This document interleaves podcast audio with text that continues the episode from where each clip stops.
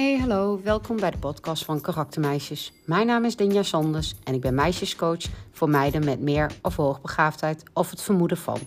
Elke vrijdagochtend komt er een nieuwe podcast online waarin ik een thema behandel die gerelateerd is aan meer of hoogbegaafdheid. In aflevering 3 neem ik je mee in een van de vier kenmerken van het zijnsluik. Een groot rechtvaardigheidsgevoel. In de eerste aflevering besprak ik al het zijnsluik van Tessa Kibo. Maar groot rechtvaardigheidsgevoel, wat betekent dat eigenlijk? Juist en eerlijk handelen naar de situatie. Het betrouwbaar en oprecht zijn. Als ik zelf aan een rechtvaardigheidsgevoel denk, dan denk ik aan eerlijkheid, oprechtheid en gelijke behandeling. Waar denk jij aan?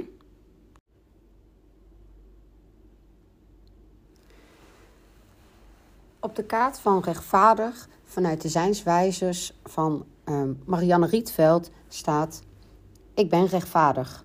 Dat betekent niet dat ik een wijsneus of koppig ben, maar dat is wel wat vaak tegen me gezegd wordt. Wat maakt dat iemand met een groot rechtvaardigheidsgevoel vaak als een wijsneus of koppig bestempeld wordt? Hey, dat komt omdat um, wanneer je een groot rechtvaardigheidsgevoel hebt, je je echt sterk vasthoudt aan je eigen principes. En dat je daarin ook handelt en denkt vanuit een overtuiging. Wat ik straks zei, weet je, ik moest zelf denken aan eerlijkheid. Nou, eerlijkheid, dat is echt ontzettend belangrijk. Alleen wil je dat ook dat andere mensen dat zijn. Tevens kom je altijd je afspraak naar. En ook hier wil je heel erg graag dat een ander dat ook weer doet. Regels, die worden nageleefd. En je wil ook dat een ander dat doet. Afspraak is afspraak, regels zijn regels. En beloofd is beloofd.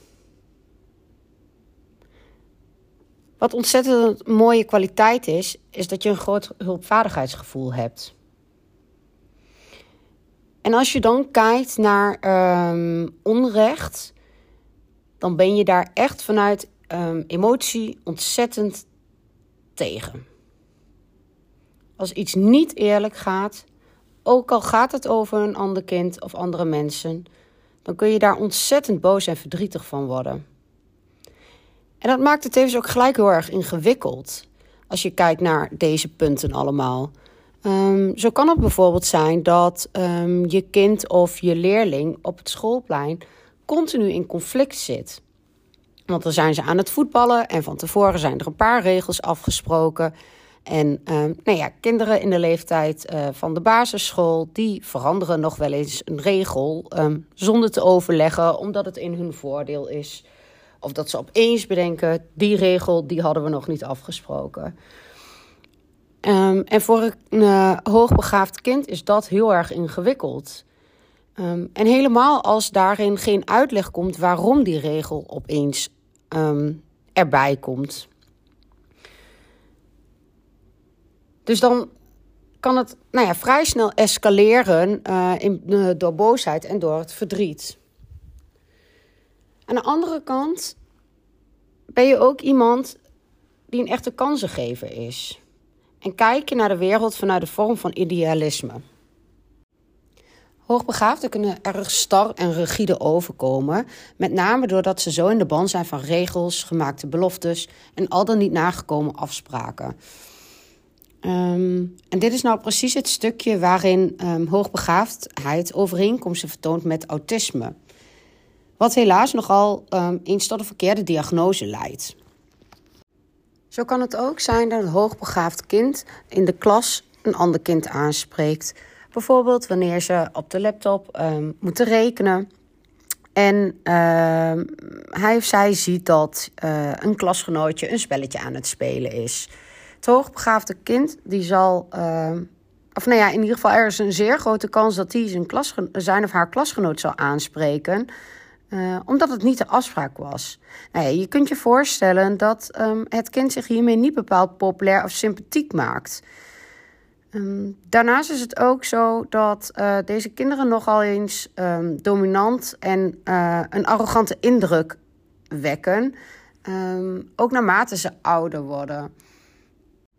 Zo kan het bijvoorbeeld ook zijn dat een hoogbegaafde op de middelbare school in discussie komt met een docent.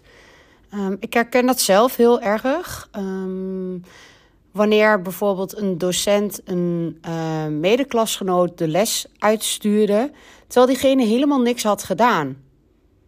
Dat kon ik vanuit mijn rechtvaardigheidsgevoel zo niet handelen, waardoor ik dan mijn mond opentrok en um, de discussie met de docent aanging. Met als resultaat dat ook ik de les uitgestuurd werd. Um, en met name ook doordat docenten um, dan tegen mij um, zeiden dat ik me er niet mee moest bemoeien. Um, dat ik het maar gewoon moest accepteren. Dat ik het niet goed zag. Dat het is wat het is.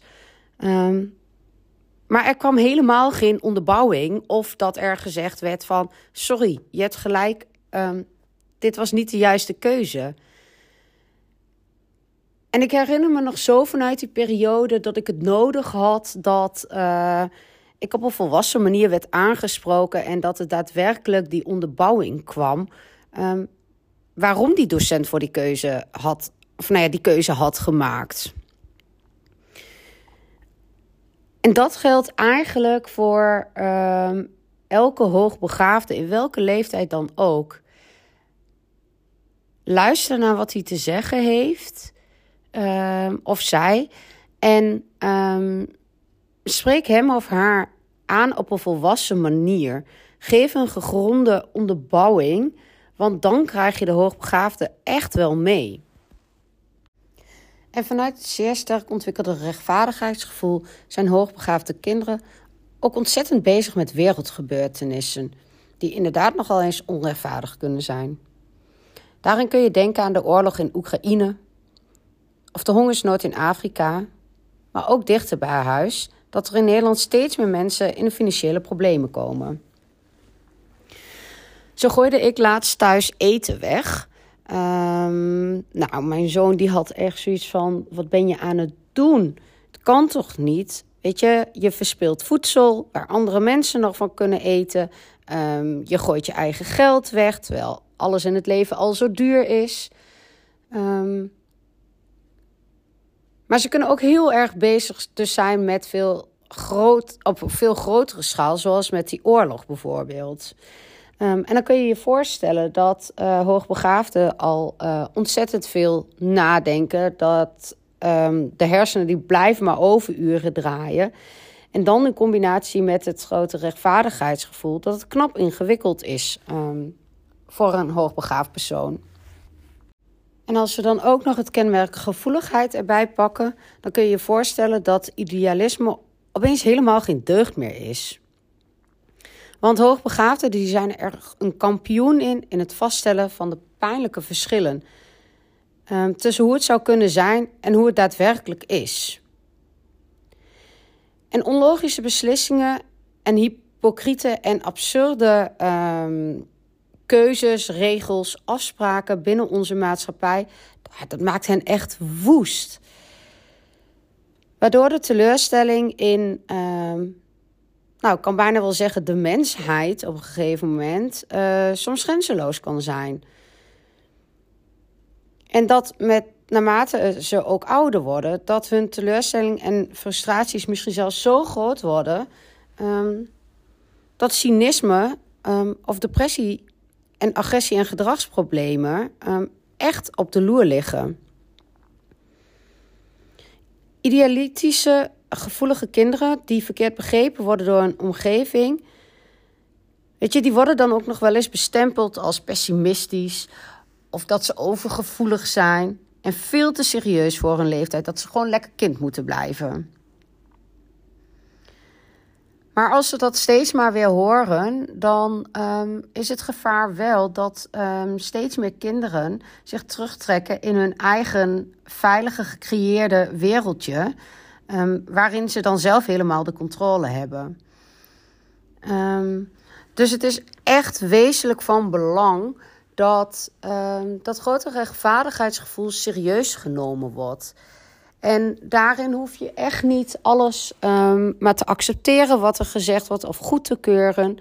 Maar wel geef een uitleg waarom um, afspraken op dat moment niet nagekomen worden. Waarom beloftes verbroken worden.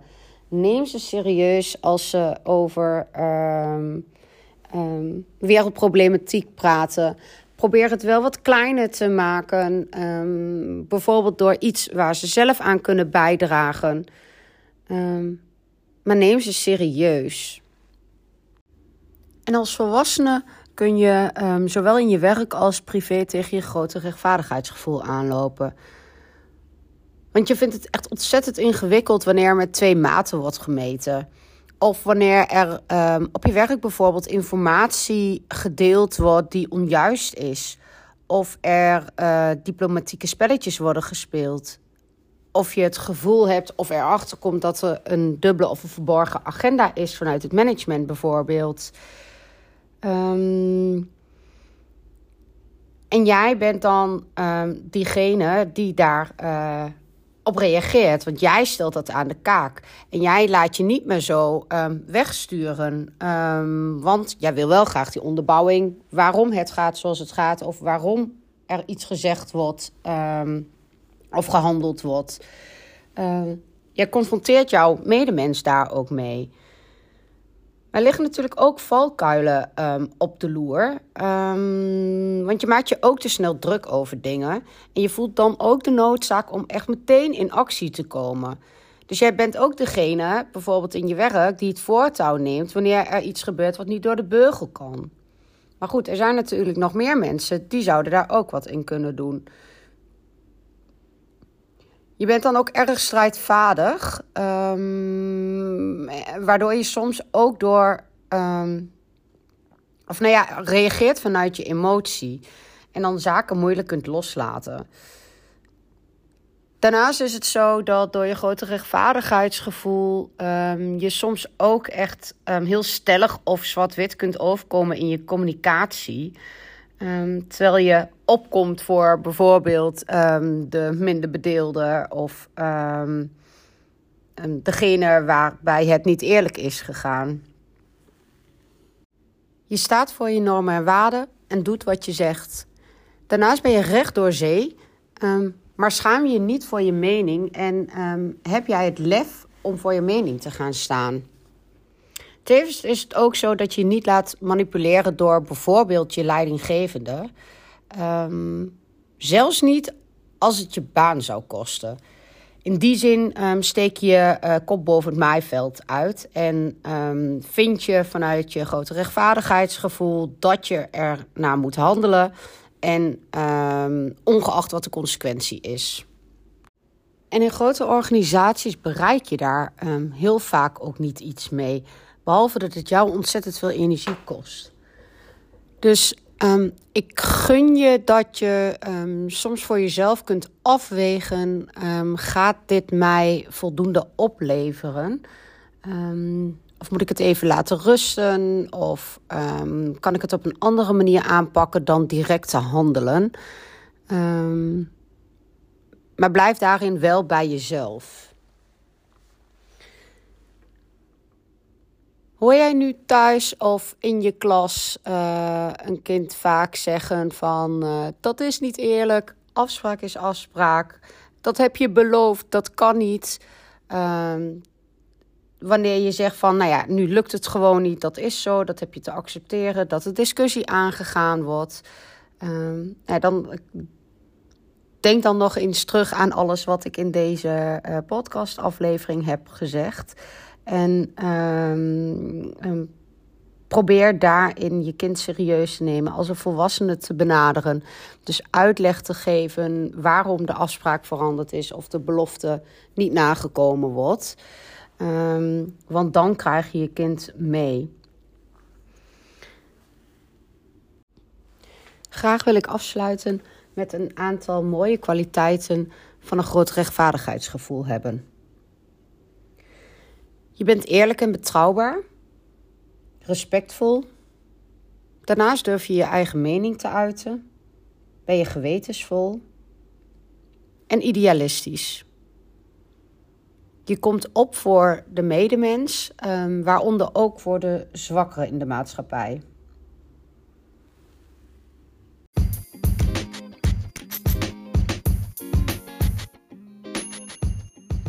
Zou het tof vinden als je me laat weten wat je van deze aflevering vindt.